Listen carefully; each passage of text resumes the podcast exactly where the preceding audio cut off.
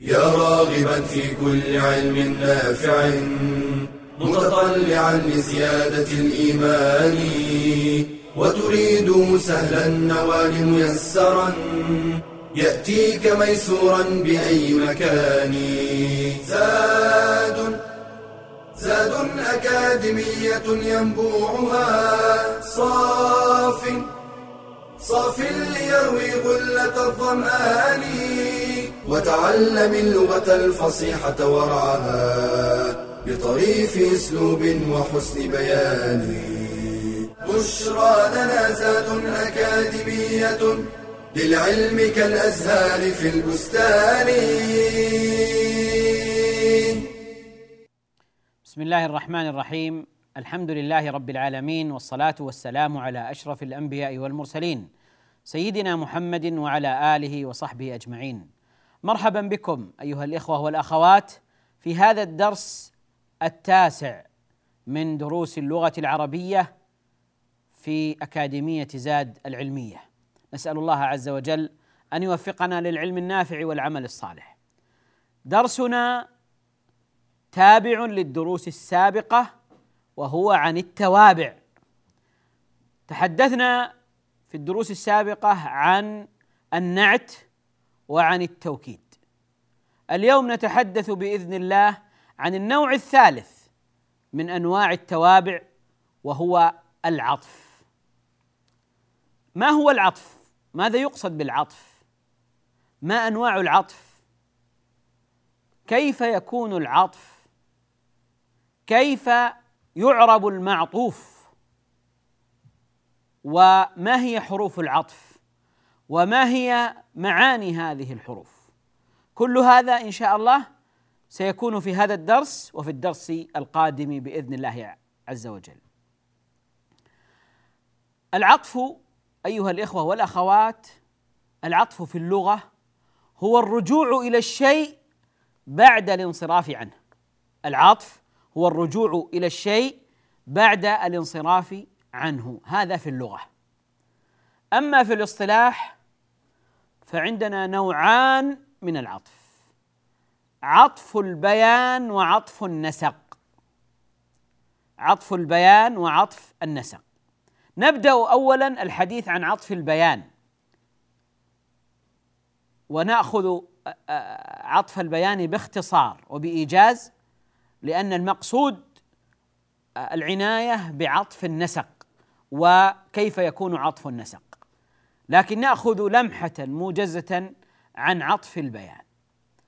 عطف البيان هو التابع أو تابع عطف البيان تابع موضح أو مخصص موضح لمتبوعه أو مخصص له جامد غير مؤول. اذا هو تابع وموضح لمتبوعه يوضح متبوعه أو يخصصه جامد غير مؤول يكون جامدا ولا يكون مشتقا. وهنا الفرق بين عطف البيان والنعت لأن النعت يكون مشتقا أو جامدا مؤولا بالمشتق. أما عطف البيان فإنه جامد غير مؤول غير مؤول. طيب ما معنى موضح ومخصص؟ يعني إذا كان المتبوع معرفة فإن عطف البيان يوضحه. وإن كان المتبوع نكرة فإن عطف البيان يخصصه يخصصه. فإذا عطف البيان اذا هو التابع الموضح لمتبوعه إن كان معرفة المخصص له إن كان نكرة جامد غير مؤول. ما مثال ذلك؟ مثاله حينما يقال مثلا أقسم بالله أبو حفص عمر. أبو حفص ما إعراب أقسم بالله أبو حفص؟ أبو حفص فاعل. أبو فاعل. فهو فاعل مرفوع. عمر أبو حفص عمر. عمر هذا عطف بيان. عطف بيان. لماذا؟ لأنه وضح المتبوع. من كأن قائل يقول من أبو حفص؟ من أبو حفص؟ فهنا يأتي عمر ليبين ليوضح. فيقال عمر. وفي النكرة يفيد التخصيص. نقول هذا خاتم حديد. هذا خاتم حديد. فهنا خاتم نكرة. حديد هذا عطف بيان وخصص هذه النكرة. ليس عاما أي خاتم إنما هو مخصص بهذا النوع من أنواع الخواتم. فهذا هو عطف البيان عطف البيان. اذا عطف البيان هو التابع الموضح لمتبوعه أو المخصص له. متى يكون موضحا؟ إذا كان المتبوع معرفة. ومتى يكون مخصصا؟ إذا كان المتبوع نكرة. جامد جامد. ليس مشتقا. وغير مؤول. يعني ربما يكون جامدا لكن مؤول. لا جامد غير مؤول. بالمشتق. ومن أمثلة أيضا جاء زيد أخوك. جاء زيد أخوك. فزيد هنا فاعل. جاء زيد زيد فاعل. أخوك عطف بيان. لأنه وضح من من المقصود بزيد. ربما يكون أخو ربما يكون أخاك وربما يكون آه، شخصا آخر. فقال جاء زيد أخوك. فوضح المقصود بزيد آه، فهذا عطف بيان عطف بيان. وقد يقول قائل طيب هناك من يقول إنه بدل. نقول إن كل ما يعرب عطف بيان يجوز إعرابه بدلا أو كل ما يجوز إعرابه بدل يجوز عطف يجوز إعرابه عطف بيان. فلذلك يقول المعربون عطف بيان أو بدل. وسيأتي الحديث عن البدل إن شاء الله. وسيأتي الحديث عن البدل إن شاء الله. هنا مسألة في عطف البيان. هناك من النحاة من يقول إن عطف البيان لا يكون نكرة إنما يكون معرفة فقط. ولكن الصحيح أنه يكون معرفة ويكون نكرة. كما في الأمثلة جاء زيد أخوك فهنا معرفة أخوك معرفة معرف بالإضافة واقسم بالله أبو حفص عمر عمر معرفة لأنه علم. ويجوز أن نقول هذا خاتم حديد فيكون حديد. هذا آه، عطف بيان عطف بيان. ولذلك الذين أجازوا أن يكون عطف أن يكون عطف البيان نكرة اعربوا من ذلك قول الله عز وجل ويسقى من ماء صديد ماء صديد. فقالوا إن صديد عطف عطف بيان. وذهب أيضا بعض المعربين في قول الله عز وجل أو كفارة طعام مساكين. أو كفارة طعام مساكين. فإذا هنا أيضا آه، قالوا إنه عطف بيان عطف بيان. وهذا آه، هذه لمحة موجزة عن عطف البيان. سنتحدث إن شاء الله فيما يأتي عن عطف النسق وهو المقصود وهو الذي ستكون العناية به وهو الموجود عندكم في آه، المنهج هو عطف النسق. سنتحدث عن عطف النسق ماذا يقصد بعطف النسق؟ بعد الفاصل بإذن الله عز وجل. بشرى لنا أكاديمية للعلم كالأزهار في البستان.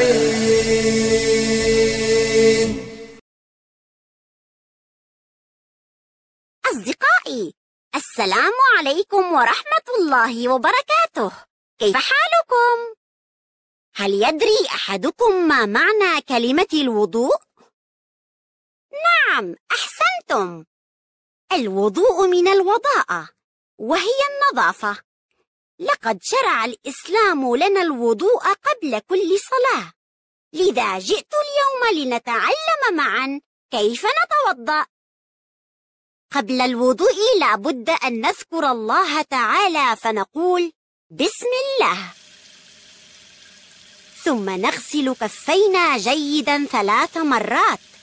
وينبغي أن ندخل الماء بين أصابعنا هكذا. ثم ندخل الماء إلى فمنا لنغسله جيدا هكذا. نفعل ذلك ثلاث مرات. وهذا الفعل يسمى بالمضمضة. ونجعل بعض الماء في أنفنا. ونخرجه مرة أخرى. نفعل ذلك ثلاث مرات أيضا. وهذا الفعل يسمى بالاستنشاق والاستنثار. ثم نغسل وجهنا كاملا هكذا ثلاث مرات. وينبغي أن يشمل الماء الوجه كله من الأذن اليمنى إلى الأذن اليسرى.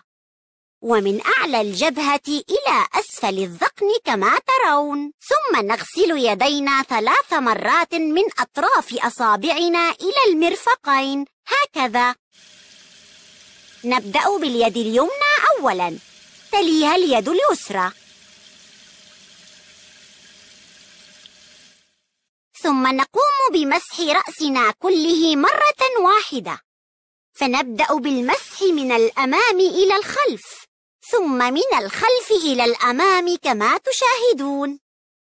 ويمكن أن نمسحه من الأمام إلى الخلف فقط إذا كان كثيفا. ثم نمسح أذنينا معا من الداخل والخارج مرة واحدة بالماء الذي مسحنا به رأسنا منذ قليل. ثم نأتي على الرجلين فنغسلهما إلى الكعبين جيدا ثلاث مرات. نبدأ بالرجل اليمنى أولا ثم نتبعها بالرجل اليسرى. وبهذا يا أصدقائي نكون قد انتهينا من الوضوء وبقي لنا أن ندعو بالدعاء الذي كان النبي صلى الله عليه وسلم يقوله بعد الوضوء. رددوا معي وقولوا أشهد أن لا إله إلا الله وحده لا شريك له. وأشهد أن محمدا عبده ورسوله. اللهم اجعلني من التوابين واجعلني من المتطهرين. هم الآن أصدقائي قد أصبحنا جاهزين للصلاة. تقبل الله منا ومنكم والسلام عليكم ورحمة الله وبركاته. بشرى لنا أكاديمية. للعلم كالأزهار في البستان.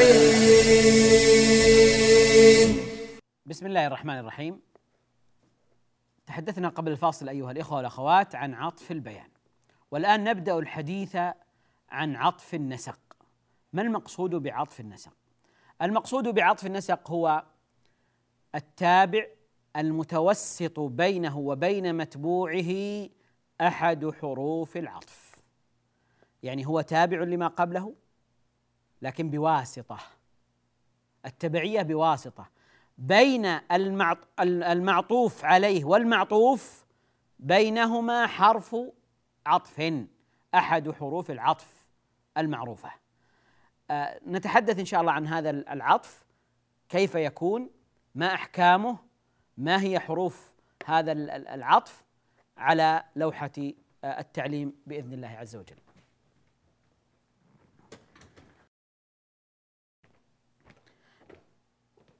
إذا عندنا ثالثا النوع الثالث من أنواع العطف عطف النسق عطف النسق. ما المقصود بعطف النسق؟ هو إتباع لفظ لآخر بواسطة حروف معينة. أو كما قلنا أيها الإخوة والأخوات إنه التابع المتوسط بينه وبين متبوعه أحد حروف العطف. يتوسط يكون وسطا بين المتبوع والتابع يكون بينهما حرف العطف. وحروف العطف معروفة. أشهرها الواو والفاء وثم. الواو والفاء وثم. إذا هذا عطف النسق عطف النسق هو إتباع لفظ لآخر يعني يكون تابعا له بواسطة ماذا؟ بواسطة حروف معينة التي هي حروف تسمى حروف العطف. تسمى حروف العطف. ما هي مكونات أسلوب العطف؟ عطف النسق. مكونات كالآتي المعطوف عليه. اولا يأتي المعطوف عليه. ثم يأتي هكذا هكذا. ثم يأتي حرف العطف. فالمكون الثاني هي حروف العطف وأشهرها الواو والفاء وثم. ثم يأتي المعطوف ثم يأتي المعطوف. اذا عندنا ثلاثة أمور. الأمر الأول هو المعطوف عليه والثاني حرف العطف والثالث المعطوف. المعطوف. لو سألت أين التابع وأين المتبوع في هذه المكونات؟ أين التابع وأين المتبوع وأين الواسطة؟ التابع هل هو المعطوف عليه أم المعطوف أم حروف العطف؟ التابع هو المعطوف. المعطوف هو التابع هو الذي يتبع ما قبله. والمتبوع المتبوع هو المعطوف عليه هو المعطوف عليه. والواسطة واسطة العطف هي حروف العطف. طيب بالمثال يتضح. حينما أقول حضر محمد وخالد حضر محمد وخالد. أين المعطوف عليه؟ حضر محمد وخالد. أين المعطوف عليه؟ الذي يقول إن المعطوف عليه هو خالد نقول له غلط.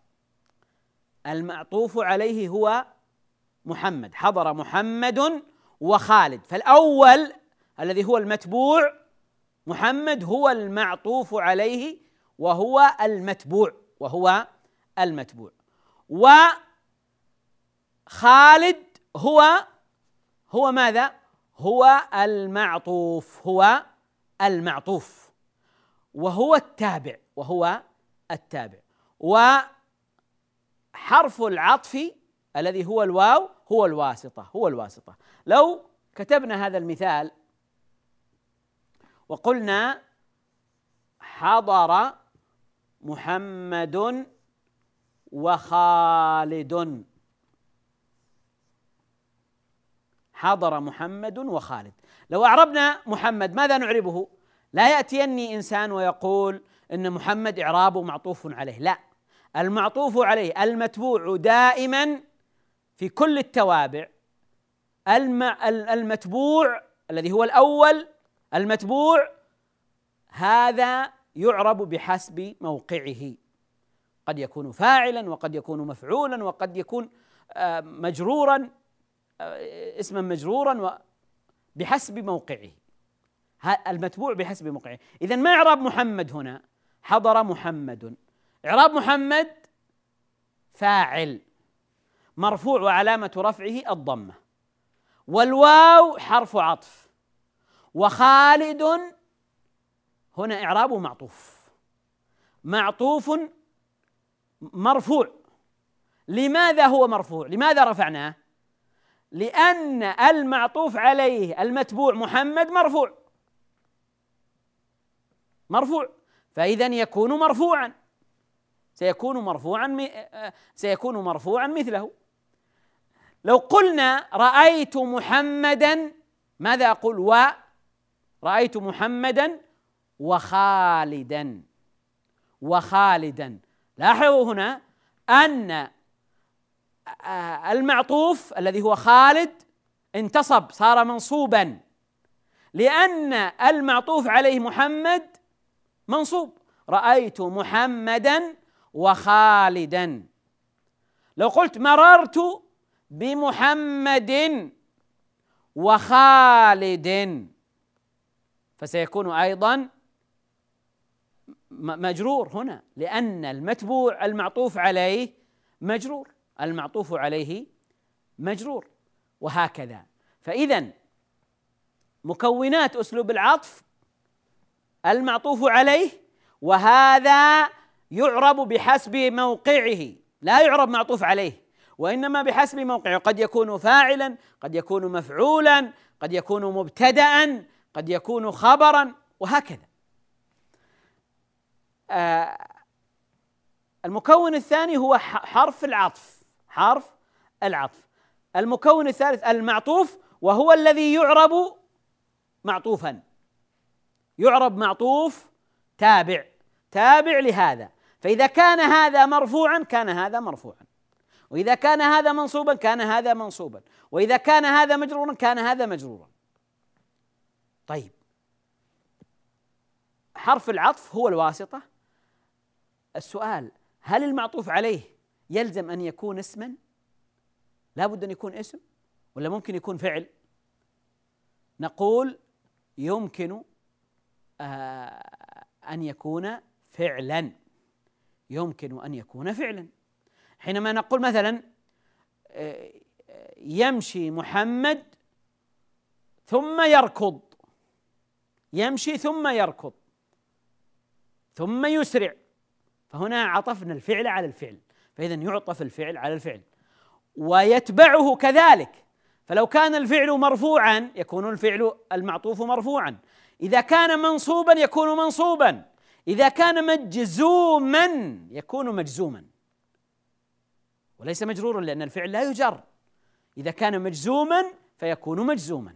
فإذا العطف ليس مختصا بالأسماء فقط بل قد يكون في الأفعال بل قد يكون في الأفعال. ولذلك لو قلت أنا أحب أن آه، أسعى وأمشي في الخير. أحب أن أسعى وأمشي في الخير. أحب أن أسعى أسعى هنا فعل مضارع منصوب بأن. والواو حرف عطف. وأمشي ها أيضا فعل لكنه معطوف. طيب لماذا قلت أمشي؟ لماذا نصبت؟ لأن الفعل الذي قبله منصوب بأن. فإذا المعطوف هذا يكون منصوبا كذلك. يكون منصوبا. لو كان مجزوما يكون مجزوما. يعني لو قلت مثلا إن تجتهد وتسعى في الخير. إن تجتهد وتسعى في الخير. تسعى هنا معطوف على تجتهد وتجتهد فعل مضارع مجزوم. إن تجتهد. أو لو قلت لو قلت مثلا لم يذهب ويخ ولم يخرج محمد. أو لم يذهب ويخرج محمد. لم يذهب ويخرج. فإذا يذهب فعل مضارع مجزوم بلم ويخرج نقول معطوف. ولذلك هو مجزوم مثله. إذا العطف لا يكون خاصا بالأسماء بل يكون في الأسماء وفي الأفعال ويكون عندنا معطوف عليه وحرف العطف والمعطوف. فاصل أيها الإخوة ثم نواصل الحديث عن عطف النسق. بشرى لنا زاد أكاديمية للعلم كالأزهار في البستان.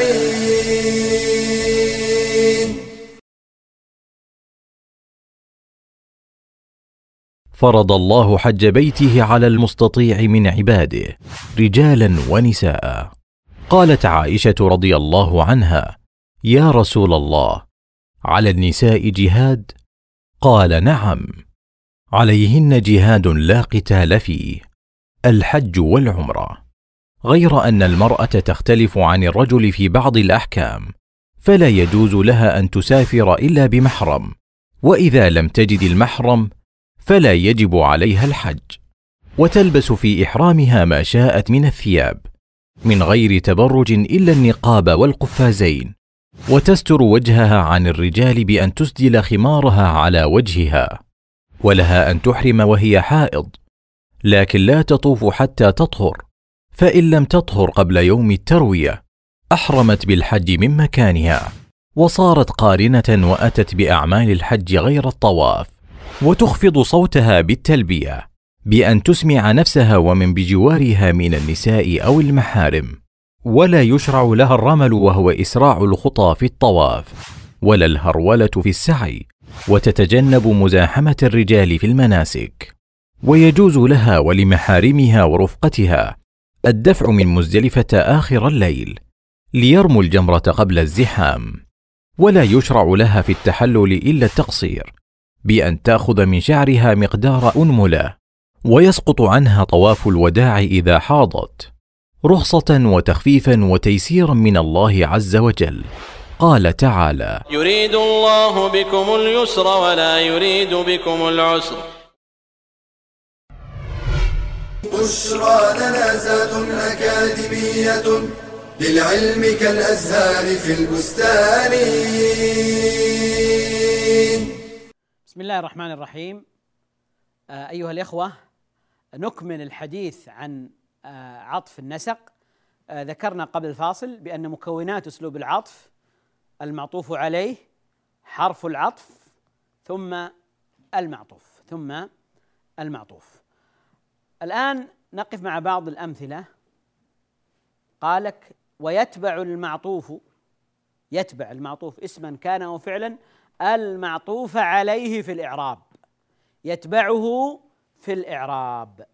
بمعنى إذا كان المعطوف عليه الذي هو المتبوع إذا كان مرفوعا فإن المعطوف يكون مرفوعا وإذا كان منصوبا فإنه يكون منصوبا وإذا كان مجرورا فإنه يكون مجرورا وإذا كان مجزوما إذا كان فعلا وكان مجزوما فإنه يكون مجزوما كذلك. يكون مجزوما كذلك. هذه بعض الأمثلة. قرأت المجلة ثم الصحيفة. أين المعطوف عليه؟ المعطوف عليه المجلة لكن ما إعراب المجلة. ما إعراب المجلة. المجلة إعرابها مفعول به منصوب وعلامة نصبه الفتحة. قرأت المجلة. قرأت المجلة. ثم ثم حرف عطف. هو حرف العطف. هو واسطة الواسطة في التبعية هنا. ثم الصحيفة لماذا قلنا الصحيفة لماذا نصبنا الصحيفة؟ لأن المعطوف عليه منصوب. فيكون المعطوف منصوبا. قرأت المجلة ثم الصحيفة ثم الصحيفة فالصحيفة مفعول معطوف منصوب معطوف منصوب وعلامة نصبه الفتحة. لماذا منصوب؟ لأن المعطوف عليه منصوب. فهو تابع إذا يتبع. فإذا هو تابع هو تابع. ذاكرت الفقه والتوحيد والنحو. كذلك ذاكرت الفقه مفعول به منصوب. والواو حرف عطف. والتوحيد معطوف عليه منصوب. والواو الثانية حرف عطف. والنحو معطوف عليه. عفوا معطوف معطوف منصوب. فإذا عندنا الفقه معطوف عليه التوحيد معطوف النحو معطوف. النحو معطوف. طيب وهذا يدل على أن العطف قد يتكرر. أقول جاء محمد ثم خالد ثم سعيد ثم عبد الله وهكذا وهكذا. طيب جاء محمد فسعيد فعلي فأحمد. هكذا جاء المثال. جاء محمد فسعيد فعلي فأحمد. إذا تكررت المعطوفات. إذا تكررت المعطوفات يتكرر حرف العطف. جاء محمد. محمد ما إعراب محمد. محمد فاعل. وهو المعطوف عليه. وسعيد معطوف على محمد. مرفوع مثله. وعلي كذلك. وأحمد كذلك. وحرف العطف الفاء. وحرف العطف الفاء. قوله تعالى ويعلمه الكتاب والحكمة والتوراة والإنجيل. فإذا هنا الكتاب مفعول به. ويعلمه الكتاب مفعول به. مفعول به يعني مفعول ثاني. وهو منصوب وعلامة نصبه الفتحة. والواو حرف العطف. والحكمة معطوف عليه. منصوب. والتوراة معطوف عفوا. والحكمة نعيد. الكتابة مفعول به ثاني منصوب. والواو حرف عطف. والحكمة معطوف منصوب. معطوف منصوب. والواو حرف عطف. والتوراة معطوف منصوب. والواو حرف عطف. والإنجيل معطوف منصوب. وهكذا. لو كانت لو كان المعطوف عليه مجرورا فسيكون المعطوف مجرورا. وهكذا. طيب اذا هذه كل هذه الأمثلة أسماء عطفت على أسماء أخرى. هل يعطف الفعل على الفعل؟ نقول نعم.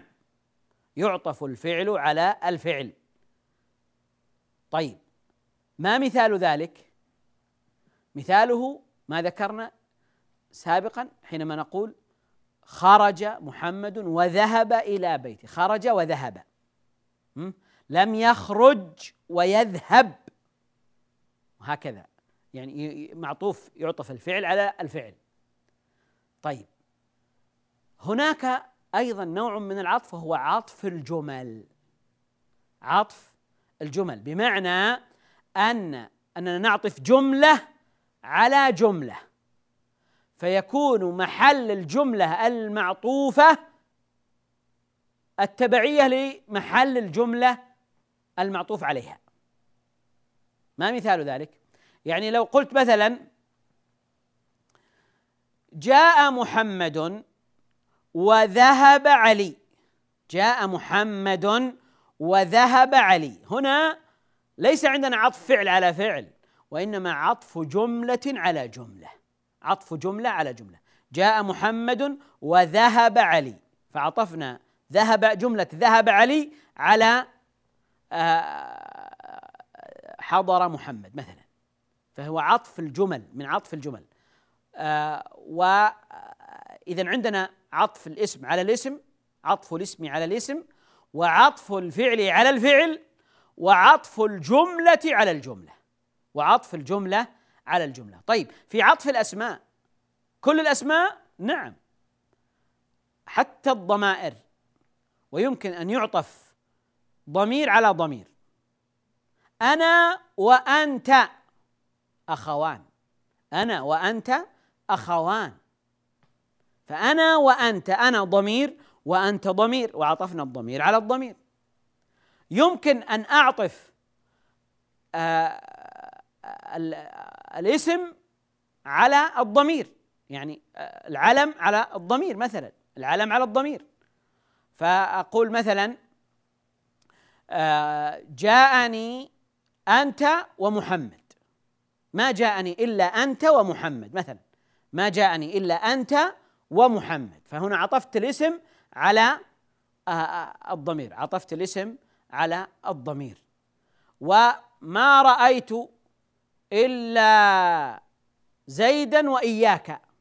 ما رأيت إلا زيدا وإياك. فعطفت هنا الضمير على الاسم. عطفت الضمير على الاسم. فإذا يمكن عطف الاسم على الضمير والضمير على الاسم على العلم كلها أسماء طبعا كلها أسماء. لكن آه هذا علم وهذا ضمير فيمكن العطف بين هذه الأنواع. آه اذا الأسماء يعطف بعضها على بعض. الأفعال أيضا يعطف بعضها على بعض. يعطف بعضها على بعض. عطف الفعل على الفعل فقط يعطف الفعل على الفعل.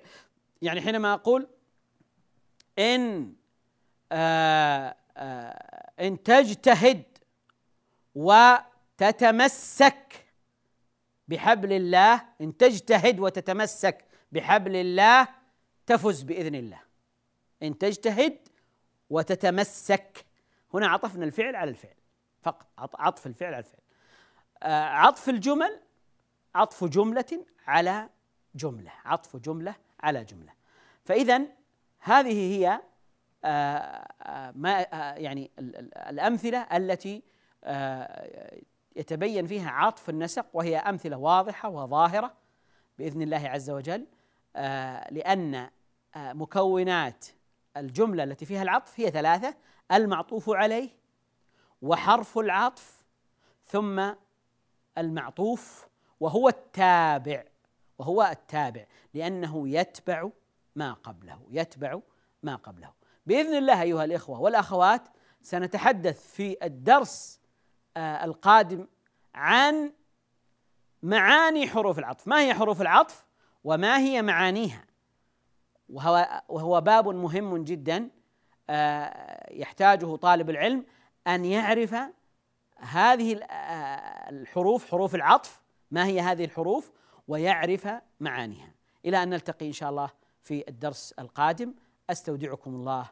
والسلام عليكم ورحمة الله وبركاته. يا راغبا في كل علم نافع. متطلعا لزياده الإيمان وتريد سهلا النوال ميسرا يأتيك ميسورا بأي مكان.